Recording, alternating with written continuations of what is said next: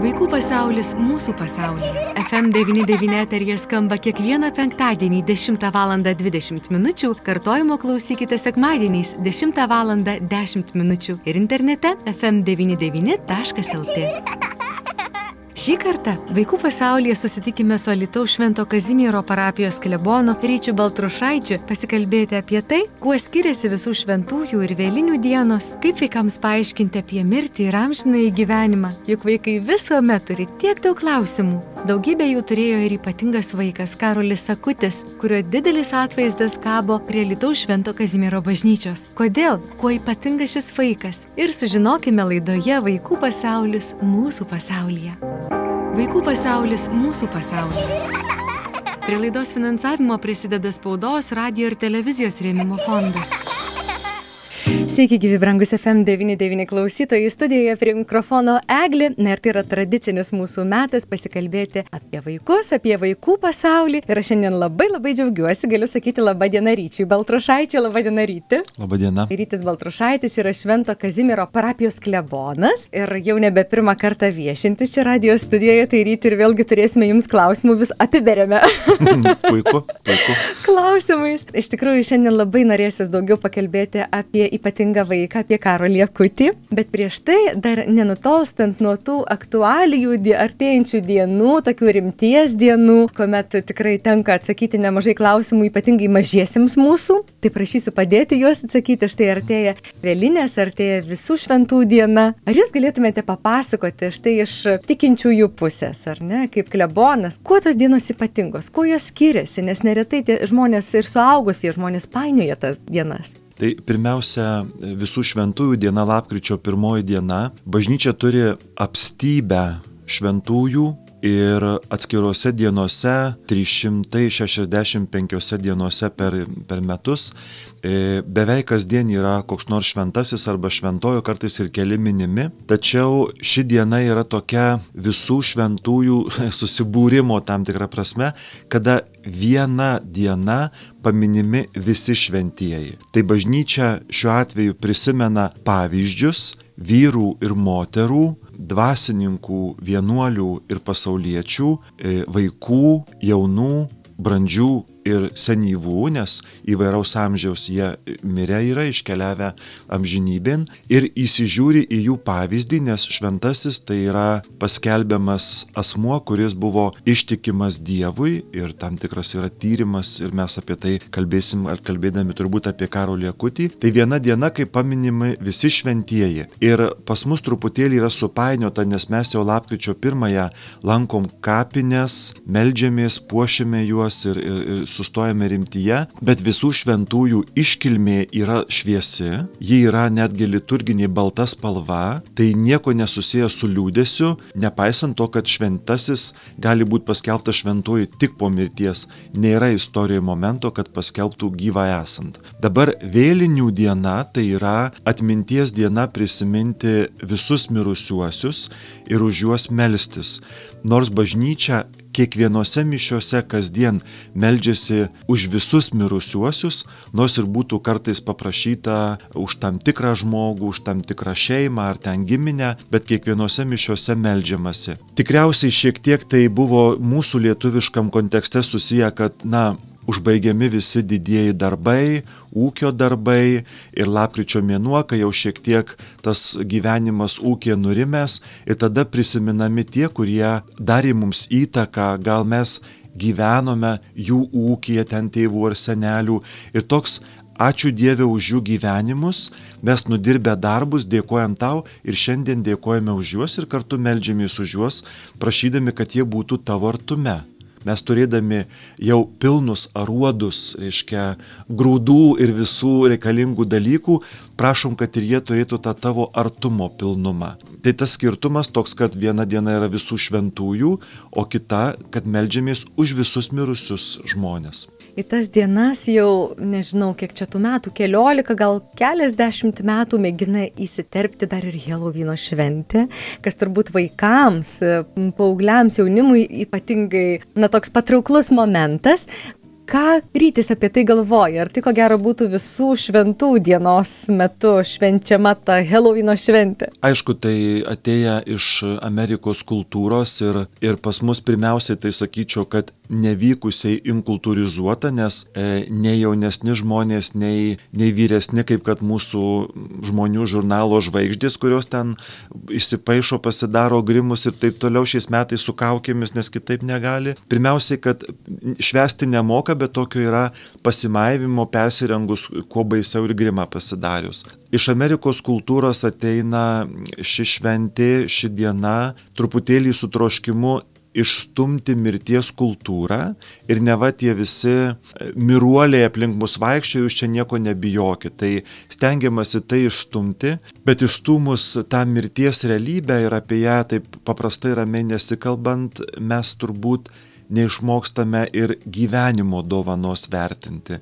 nes negali išstumti, aš negaliu ignoruoti savo artimo žmogaus mirties, aš turiu ją priimti, išgyventi tiek, kiek mano širdžiai reikia išgėdėti, ne per ilgai, neliguistai, kad tai, tai man rodo, kad gyvenimas visgi yra atkarpa, jisai turi trukmę ir nežinau, aš galbūt rytoj manęs jau nebus, o gal, gal po keliasdešimt metų, tai priminimas mums šitų dienų yra, kad žiūrėk, gyvenimas yra ne turintis begalybę laiko, bet tam tikrą dalį gyvenk prasmingai.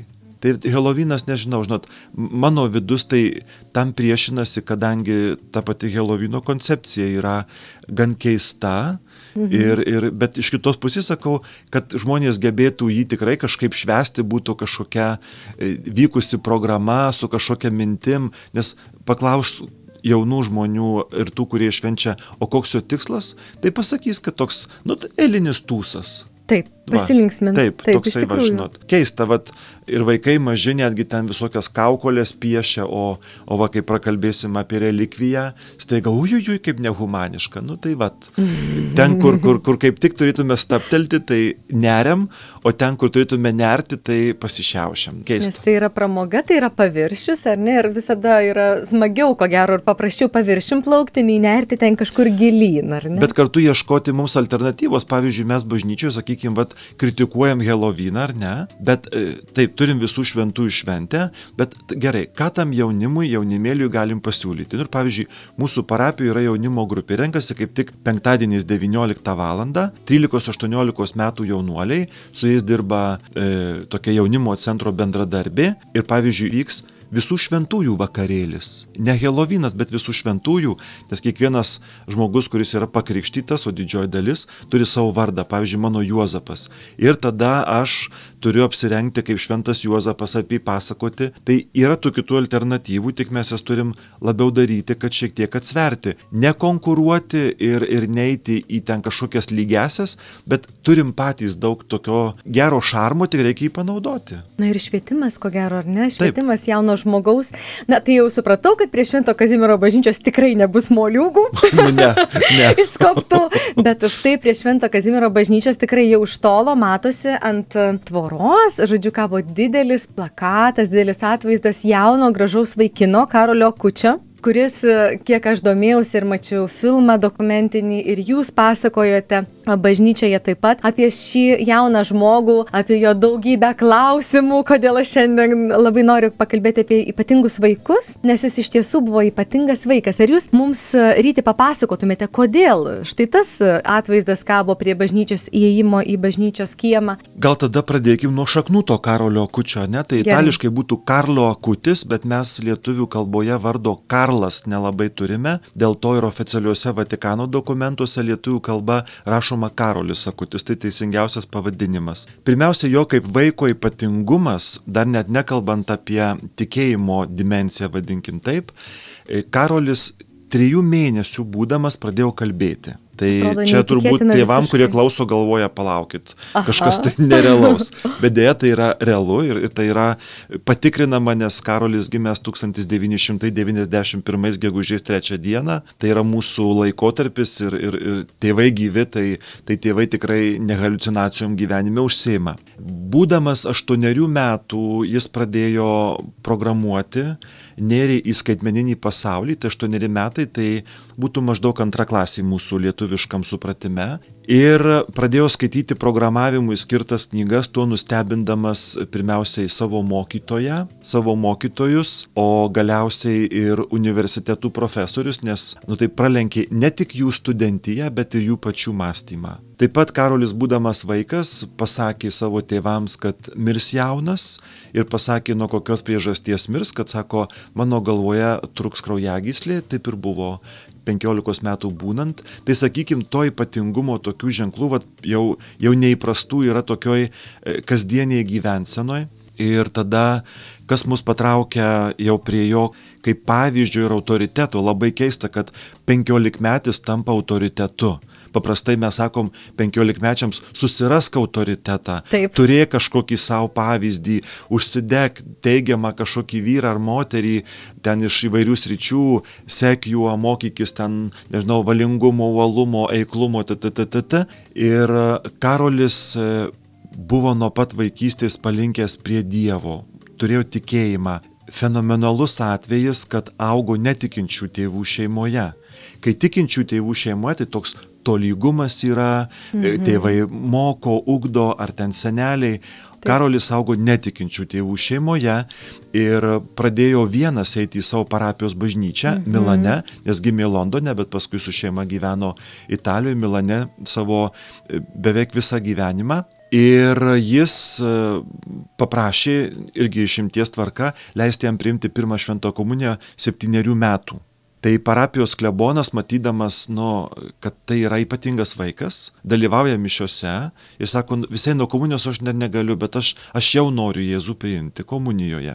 Ir bet tai abejo, buvo su, su, suvokimas, kas tai yra, ar, ar suvokimas. tiesiog visi tai daro ir aš žinau, kaip vaikai. Ne, Žinot, vertinant jau iš šiandienos jo pažinimo, mhm. be abejo, suvokimas, kuris pranoksta tikrai netgi brandaus suaugusio krikščionio mąstymą ir jam buvo leista septynerių metų priimti šventąją komuniją ir iki pat savo mirties jis mirė penkiolikos metų sulaukęs du tūkstančiai šeštais metais spalio dvyliktą dieną kasdien eidavo į šventąsias mišias dalyvaudavo mišiose priimdavo šventąją komuniją dalyvaudavo adoracijų tokiam laike kada žvelgia į švenčiausiąjį sakramentą tyloje ir asmeniškai meldžiasi. Ir taip pat meldėsi rožinio maldą. Ir jis pradėjo būtent savo mamą atakuoti klausimais apie Dievą.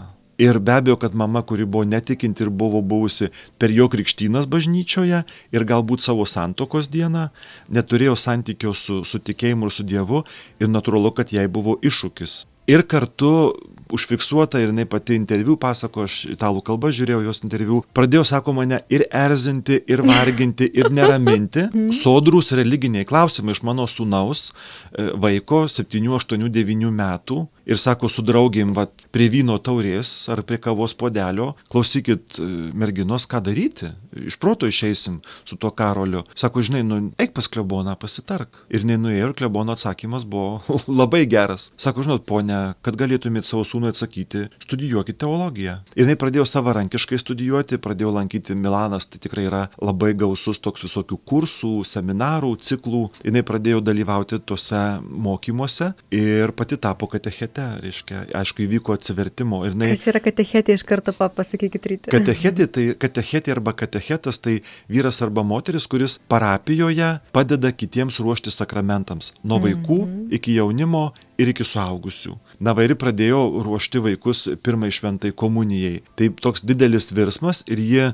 mama savo interviu sako, kad didžiausias stebuklas, kuris per jo sūnų atsitiko, tai jos atsivertimas, jų atsivertimas, nes ir tėtis pradėjo eiti tikėjimo keliu. Tai ypatingumas, galima sakyti, kad gal per visą pasaulį tokių vaikų yra, galbūt, bet e, tokio šio laiko angažuoto pavyzdžio mes netrandame. Ir dabar tai yra ko gero labai aktualu. Kasmet tai yra aktualu, nes kasmet ketvirtokai dažniausiai ir ne, taip pat e, ruošiasi pirmai komunijai ir turbūt irgi neretai ir mamai, ir tėčiui, ir seneliam užduoda daugybę klausimų, ir atsakymų neretai tėvai nežino. Mhm. ir aš pati toje baloje atsidūriau irgi ir tikrai nori, nenori turi pradėti domėtis daugiau, kiek tu ten beturi tų žinių, ypatingai jeigu irgi šeima, giminė nėra labai religinga, tai pradedi domėtis, bet Karolio Kučio atvejs buvo ypatingas, nes jis tą pradėjo daryti septyniarių metų būdamas, ar anksčiau, ar ne? Tikėti anksčiau, tik e, nuo pat mhm. vaikystės, kai suprantu kūdikystės net, tik tai jau šventą komunę priimti ir dalyvauti mišiuose kasdien. Tai va tas mums atrodo, kas čia tokio, bet, nu, pabandykim, vaikai mūsų, ar ne, va, nuo septynių metų, jaunimėlis 12-13, kasdien mišiose, mūsų parapijoje tuo tarpu dar nėra tokių karolio kučių. Bet turbūt sutiksite ryti, kad vien dėl to, na tikrai jau nebūtų ir dokumentinis filmas sukurtas, ir tiek daug apie tai kalbama, rašoma, jūsų rankose knyga apie karolį akutį, ar ne? Mhm. Ir Švento Kazimiero bažnyčia yra ypatinga irgi Karolio Kučio atžvilgiu, ar ne? Taip tai nebuvo tik tai, kad jis taip anksti buvo, na, pašauktas to tikėjimo, ar ne? Karolio Kučio klausimas buvo man užduotas ir neatsakiau, nuvinguriavau, tai dabar mhm. apie tą, kodėl tas atvaizdas taip. pas mus ant tvoros ir taip toliau. Fenomenas Karolio Kučio tas, kad jis ne tik, kad asmeniškai ėjo į mišes, nežinot, galėjai asmeniškai, patyliukais, kaip sakyti, privačiai, bet paskui tu gyventi tokį įprastą gyvenimą ir savo tikėjimų niekur neparodydamas. Karolis savo bendramžiams ir vyresniems už save labai aiškiai liudijo apie Dievą, kalbėjo apie Dievą. Čia buvo keistumas, kad jis būdamas vaikas geba sklandžiai, įtikinamai, teologiškai sodriai kalbėti apie Dievą. Čia buvo tokia nuostaba, kad palauk, nu, nu, teologai studijas baigę panašiai kalba, tai čia buvo toks keistumas. Reikia paminėti, kad Karolis, nes gali pasirodyti, kad galbūt gal kažkoks tai buvo toks, žinot, užspaustas vaikas, nesocialus, kažkur visada kamputį atsiskyręs, gal labai lėtas ar kažkoks ten labai kažkoks lyrinis, romantiškas ir, ir toks nepritampantis prie draugų. Tai ne. Karolis tikrai buvo savo draugų kompanijose siela, jo domėjimosi sritys buvo kelios, viena iš jų tai buvo futbolas, gal italam būdinga truputėlį, bet buvo aistringas futbolo mėgėjas, žaidė futbolo komandui savo bendramžių tarpe, visada buvo trokštamas kaip vadovas, sakykime, kaip toksai komandos lyderis, lyderis mhm. kapitonas, galima tokį žodį sakyti. Ir įdomu tai, kad be abejo, kad tų vaikinų ten žaisdavo labai vairių. Ir jis, pavyzdžiui, net su jais kalbėdavosi apie, apie Dievą, jis liudydavo apie Dievą savo bendramžiams. Taip pat viena iš Karolio tokių aistrų e, buvo būtent skaitmeninis pasaulis ir internetas, tik jis jį panaudojo irgi Dievui skelbti. Ir Karolis kūrė filmukus, jo domėjimosi sritis buvo eucharistiniai stebuklai įvykę iki jo ir, ir, ir jo laikais vykę. Jis kūrė filmukus, yra, yra svetainė sukurta dabar galima juos pasižiūrėti ir paroda paruošta, kuri apkeliavusi faktiškai visus kontinentus. Dabar jau jo mamos ir tėčio labiau lydima, nes Karolio jau, jau nėra, jis yra miręs, jie, jie keliauja su ją ir jo tas tikslas buvo, kad kad Jėzus yra, kad Dievas yra gyvas Euharistijoje, gyvas šventoje komunijoje, kad tai ne pramanai, ne, ne tradicija, ne, ne kažkokia filosofinė srovė, bet realiai gyvas ir tikras. Va, ir aišku, mėgo, mėgo kalnus, nes Italija turi tų dovanų iš Dievo gavusių. Tai jis buvo labai kaip tik toks, nu, komunikabilus ir einantis į kontaktą, užkalbinantis nepažįstamus žmonės, ypač vargšus ir benamius, kurių kaip ir pas mus, taip ir Italijoje tikrai netrūko. Jo tėvai verslininkai, gan stiprus verslininkai, tai gyveno tikrai pasiturinčiai e, ir Karolis, kaip ir visose šeimose, vaikai nuo kažkokius gaudavo dienpinigius, vadinkim, ar, ar kita sistema buvo, jis sutaupydavo pinigų ir juos leisdavo ne savo pramogoms ir malonumams, bet išdalydavo vargšams. Pavyzdžiui, pirkdavo miegmaišius benamiams, ir, ir, ir juos dal, nu, nueidavo ir dalydavo. Pirkdavo batus arba jeigu jam nupirkdavo dviejus, tai vieni visada dingdavo. Kažkas iš benamių juos jau nešiodavo.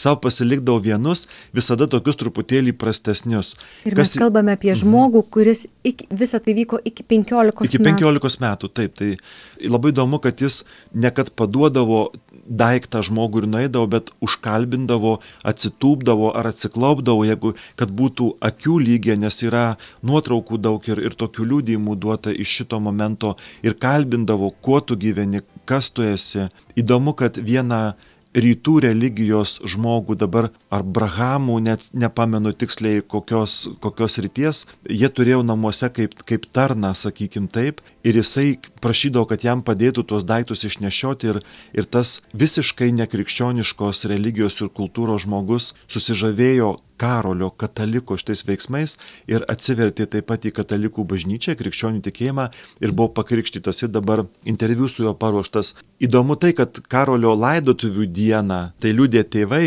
prisirinko vat, pilna bažnyčia nepažįstamų žmonių, sako, ir, ir mes matom, kad, sako, sargai, laiptinių prižiūrėtojai, benamiai, kurie tokie etatiniai mūsų gatvėse sėdi renka aukas ar, ar prašo maisto. Ir sako, mes tik po jo mirties sužinojom, kad jis išdalydavo savo viską, kas jam būdavo skirta asmeniškai, nupirkdavo ar pinigus išdalydavo, ar, ar kita kažkokia forma e, tiems, kurie stokodavo. Tai, tai štai tokios irgi žymės, kurios mums šiek tiek neįprastos ir tai buvo ne vienkartinai, bet kaip jo tam tikra charizma, vadinkim šitą vietą. Ypatingai kalbėjimas apie Dievą, apie tikėjimą, kas atrodytų net gal šiek tiek gėda, kaip tu čia dabar, net jeigu yra vaikų, kurie mus klauso dabar ir galvoja, na, aš irgi tikiu, irgi irgi, bet baisu tos pajuokos kažkokios. Tai jis tą drąsiai darė ir, ir ne, tik, ne tik žodžiu, bet ir dar darbais. Taip. Ir kas yra ypatinga, kad, kaip ir jūs minėjote, tai yra šio laikmečio. Dabar va, visai neseniai gyvenęs žmogus, kurio tėvai gyvi, kurio broliai ir sesės turi berots, ar ne? Brolis ir sesė apie tai kalba, ar ne? Ir šis vaikinas yra paskelbtas palaimintojo, ar ne? Taip. Ką tai reiškia? Tai štai, mums kaip tik labai visų šventųjų dienai tinka tematikai bažnyčia į kai kurių žmonių gyvenimo pavyzdį taip įsižiūri, kad nori tą pavyzdį labiau paskleisti, iškelti, kad pamatytų visas pasaulis. Nes jeigu bažnyčia šiuo atveju nebūtų taip iškėlusi karolio pavyzdžio, jis žymiai mažiau būtų pasklidęs. Ir bažnyčia kai kuriuos asmenys, vyrus ir moterus, moteris, po ilgoko tyrimo paskelbė palaimintojų arba šventuoju. Tai pirmasis laiptelis į paskelbimą šventuoju yra pripažinimas Dievo tarnu arba Dievo tarnaitė, tai yra terminai ir tam tikri laipteliai, vadinkim, tada skelbimas palaimintoju ir tada jau skelbimas šventuoju. Tai reiškia, kad mums karolį bažnyčia iškelia kaip pavyzdį ir autoritetą. Bažnyčios istorijoje nėra pirmas atvejis, kad vaikas arba jaunuolis ar jaunuoliai paskelbiamas palaimintu arba šventuoju. Tačiau šiame mūsų laike, moderniuose laikuose, yra pirmas toksai atvejis po gan ilgo laiko. Ir kaip tai atrodo, Karolis, kai mirė, jį natūraliai palaidojo, reiškia kaip ir visus žmonės palaidoja. Ir dar nepaskelbus jo palaimintojų, nemaža dalis žmonių įvairiuose kraštuose pradėjo melstis Dievui, prašydami šito karolio užtarimo, kad karoli tu esi prie Dievo, išprašyk man tokio ir tokio reikalo, mano gyvenime toks ir toks rūpestis, paprašyk pas Dievą, kad man padėtų įspręstą klausimą. Ir tuomet e, bažnyčia fiksuoja ypatingai stebuklus, kurie įvyksta to žmogaus užtarimu. Ir Karolio Akučio užtarimu yra įvykę jau ne vienas stebuklas, bet privalo medikų konsiliumas jį įvertinti, ar tas pasveikimas iš kokios nors, pavyzdžiui, šiuo atveju lygos nebuvo natūralus arba medicinos dėka, ar tai tikrai stebuklas, kuris pranoksta mediciną, žmogaus protą, kaip sakyt, žmogus sako, žinai, mes bejėgiai ir čia nieko nebus įmanoma padaryti. Tai keletas dalykų ir vienas iš jų tai yra Meksikoje susijęs su vienu berniuku, kuris turėjo problemų su savo kasa ir negalėjo valgyti jokio rimto maisto, tik tokias tyreles, bet, bet dėja ir jos visos išeidavo laukdėje. Ir atėjo toks etapas tam berniukui, jis buvo maždaug penkerių metų, kai pradėjo visiškai jau kristi svoris ir buvo ta tokia mirties riba tam vaikui atėjo. Ir tuo metu jų parapijoje Meksikoje kažkas papasakojo, kad yra toksai karolis. Dar, žinot, nebuvo paskelbta šventojo, čia maždaug 2008-2009 metai, 2-3 metai po karolio jo mirties. Ir kunigas sako, tai melskimės prašydami to šito vaikino užtarimo už mūsų parapijos šitą vaiką. Ir žinot, ir buvo pradėta melstis tokia speciali kelių dienų malda ir paskui šventosios mišios. Ir po tų šventų mišių parėjęs, tas vaikas, kuris nebuvo valgęs iki 8 metų jokio rimto maisto, parėjęs po mišių, sako, aš noriu valgyti. Mamas taip nustebus galvoja, nu jau bus dabar. Sako, o ką tu norėtum valgyti? Aš, sako, noriu salotų, noriu, reiškia, antipasti, reiškia, kažkokių makaronų, noriu antro patiekalo, reiškia, noriu kepsnio. mama suruošė jam ir visai šeimai, tas vaikas visą maistą sušveitė ir sako, dar norėčiau kai ką pakartoti. Ir mama galvoja, dabar tai viskas. Iš tikrųjų, ir tas berniukas pradėjo nuo to laiko valgyti, stiprėti ir dabar yra užaugęs. Vyrukas jau rimtas reiškia. Dabar skeptiko gasgaidelė kilo Taip. klausantiems, papasakokite, ką reiškia stebuklas. Na, o kodėl stebuklas? Kas dabar įrodys, kad tai stebuklas? Tai vad įrodymas, žinot, ateina, mhm. kad bažnyčia irgi nebūtų tokia prisikūrusi legendų, vadinkim, ar Taip. ne, arba tokių jai patogių tiesų, kreipiamasi yra į būtent medikus ir labai stengiamasi, kad toje medikų grupėje, aš nežinau jo sudėties, bet tikrai ne du, paprastai šeši, septyni asmenys. Konsiliumas. Toks. Konsiliumas. Mhm. Stengiamasi, kad būtų kuo daugiau niekuo su bažnyčia nesusijusių asmenų, netikinčių asmenų, nežinau ar ateistų, bet ta prasme, kad nebūtų įspūdžio, kad gal papirko, gal susitarė, gal patepė juos kaip nors ir, ir, ir sakė, jo, jo, čia, čia, žinai, dalykas, kuris pranoksta. Tai tokia grupė. Ir jie pripažino, kad ne medicinos dėka, nes medicina buvo pasakius, mes keliam rankas ir dėja jūsų tas vaikas neišgyvens, jam ateina mirties momentas. O paskui yra teologų komisija, bet turinti medikų išvadas tik tuomet, ne atvirkščiai, ne kažkaip to lygiai, bet tik po to. Ir paskui daugiau yra, vat, mama, aš kaip tik turiu rankose tokia Antonija vardas jo mamos Ilisagreto Delmiofilio mano sūnaus paslaptis Šiais metais spalio mėnesio pradžioje pasirodžiusi knyga, aš turiu italų kalbą, mes pradėjome dabar versti į lietuvių kalbą ruoždamiesi Karolio Kučio relikvijų įkurdinimui Kazimiero bažnyčioje, apie ką mes kalbėsim, nes vis užsiminėm. Ir mama pasakoja, kad jai plaukia nemažai laiškų, paliudijant, kad Karolio užtarimų įvykę stebuklų. Ir pavyzdžiui, kelios šeimos, kurios buvo nevaisingos ir eilę metų, ir medikai taip pat, ką nedarė iš savo pusės, sakė, žinot, nudėja, jūs, jūs nevaisingi, nieko nebus. Tai jie kreipėsi, meldėsi, su ašaromis sakysi, prašy Karolio Kučio, tu esi vaikas, tu žinai, ką reiškia turėti vaikų šeimoje, nes tu augai pas tėvus, išprašyk mums vaikų ir tos šeimos liūdė, kad jos dabar turi vaikų. Pačios šeimos pripažįsta, Karolio Kučio užtarimu. Ir taip pat yra pasveikimų iš onkologinių lygų. Nuoširdžiai pasakysiu, kad aš taip pat vat, už vieną vyrą alytiškį, kuris labai sudėtingoje sveikatos būklė 30 metų, kasdien aukojamas pas mus šventosios mišios, jau trečia savaitė, irgi jau gydytojai sakė, kad na tikriausiai, kad jau nes po, po stiprios tokios avarijos. Ir kaip tik spalio 12 Kučio Karolio diena ir, ir, ir buvo to vaikino mama ir aš pasakoju apie Karolį kaip tik ir sakiau, kad ypatingai melskimės ir, ir aš tikrai ypatingai melžiuosi ir šiandien dienai tas vyras, kuris buvo beveik palydimas amžinybėn, jau savo artimiesiems iš, iš santraus klinikų rašo esame žinutes. Suprantate, tai aišku, me, bet medikai buvo pasakę, kad, kad truputėlį tai nemanau, kad čia konkrečiai susiję, galbūt medicinos dėka Bet kodėl atmesti, kad Karolis užtarė jį ir sakė, žiūrėk, jis turi du vaikus, turi žmoną, turi tėvus, jiems, jiems viešpatie labai reikia jo, nepasišauk dar. Tai žinot, vat, šitie dalykai ir jie, jie truputėlį pranoksta tai protą ir, ir nuščiūvi. Tai bažnyčia nuščiuvusi Karolio Kučio atžvilgiu dėl jo jaunumo, dėl jo, dėl jo veiklumo ir tas eucharistiniai stebuklai dar paminėtini labai. Ką reiškia eucharistinis stebuklas?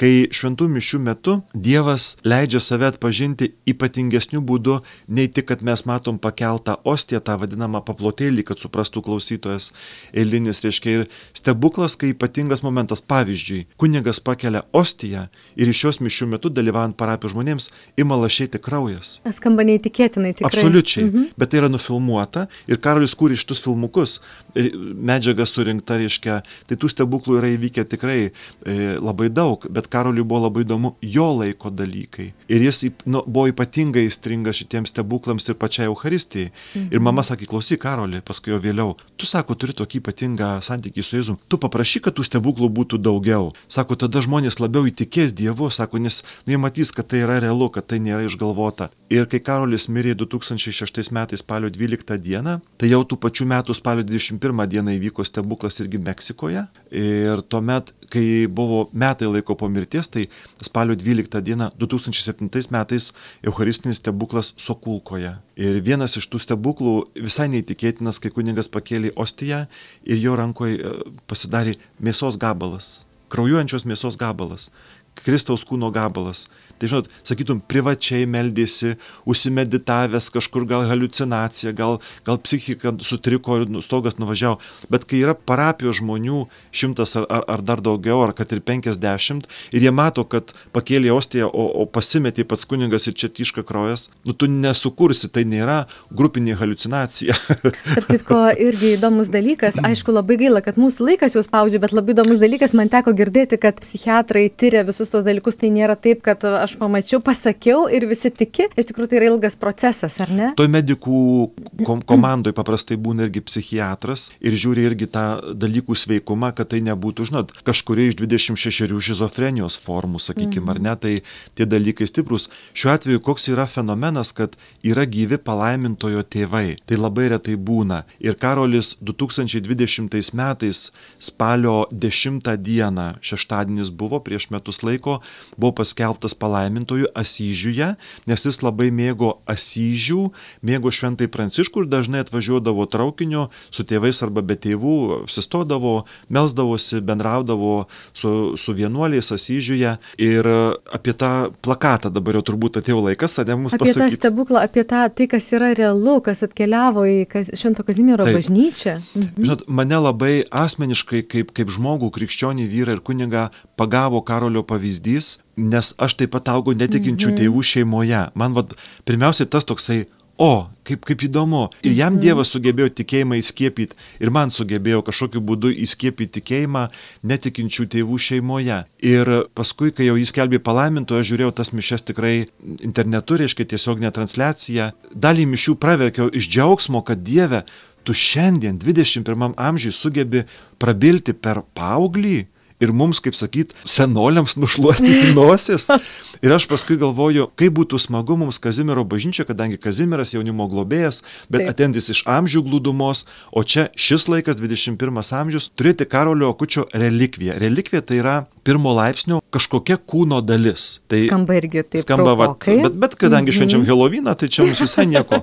Reiškia, ir, ir paroda žmogaus kūnų, kai buvo Human taip. paroda, va, prašau, taip. įskrosti lavonai, visiems tiko, pradinukus vedė, visi žavėjosi romenų struktūromis ir vidurių sandara. Tai čia šiuo atveju nieko mums taip, tragiško. Taip. Ir žinot, ir aš galvoju, ir tada aš kreipiausi į savo vyskupą, vyskupijos, išdėščiau reikalą, jisai pagavo tą turbūt mano tokį entuzijazmą, kad mums reikia relikvijos. Ir tada buvo suruošti dokumentai oficialūs, nes yra tvarka, kreipėmės į Asyžių, kur yra Karolio Kučio kūnas, kuris beje dabar yra atidengtas žmonėms, ne visą laiką, bet tam tikras dienas e, leidžiamas matyti. Nuo 2006 metų iki va štai šiandienos visiškai nėra jokio pakitimo jo mirusio žmogaus palaikose.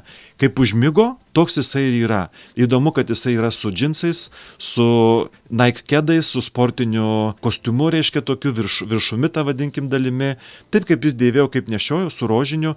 Ir toks jausmas, kad miega, nes labai iš arti pritraukta, pirmieji priejo vyskupas ir jo mama, prisilietė, pabučiavo tą sarkofagą. Na va, ir mes gavom tą relikviją pirmo laipsnio, tai reiškia iš kūno ekskorpus, ne, ne jo rūbų dalelę, ne, ne kažkokiu ten dalykų, ne kompakt, su kuriuo jisai dirbdavo, bet kūno dalelę. Ir dabar ruošiamės relikvijų įkurdinimui mūsų Kazimiero bažnyčiai. Mhm. Ir tas įkurdinimo toks jau kulminacinis taškas bus 2022 m. spalio 9 diena. Labai viliuosi, kad dalyvaus Karolio šeima. Tėtis su mama ir jo brolis ir sesiai, dviniai, kurie gimė jau po Karolio mirties.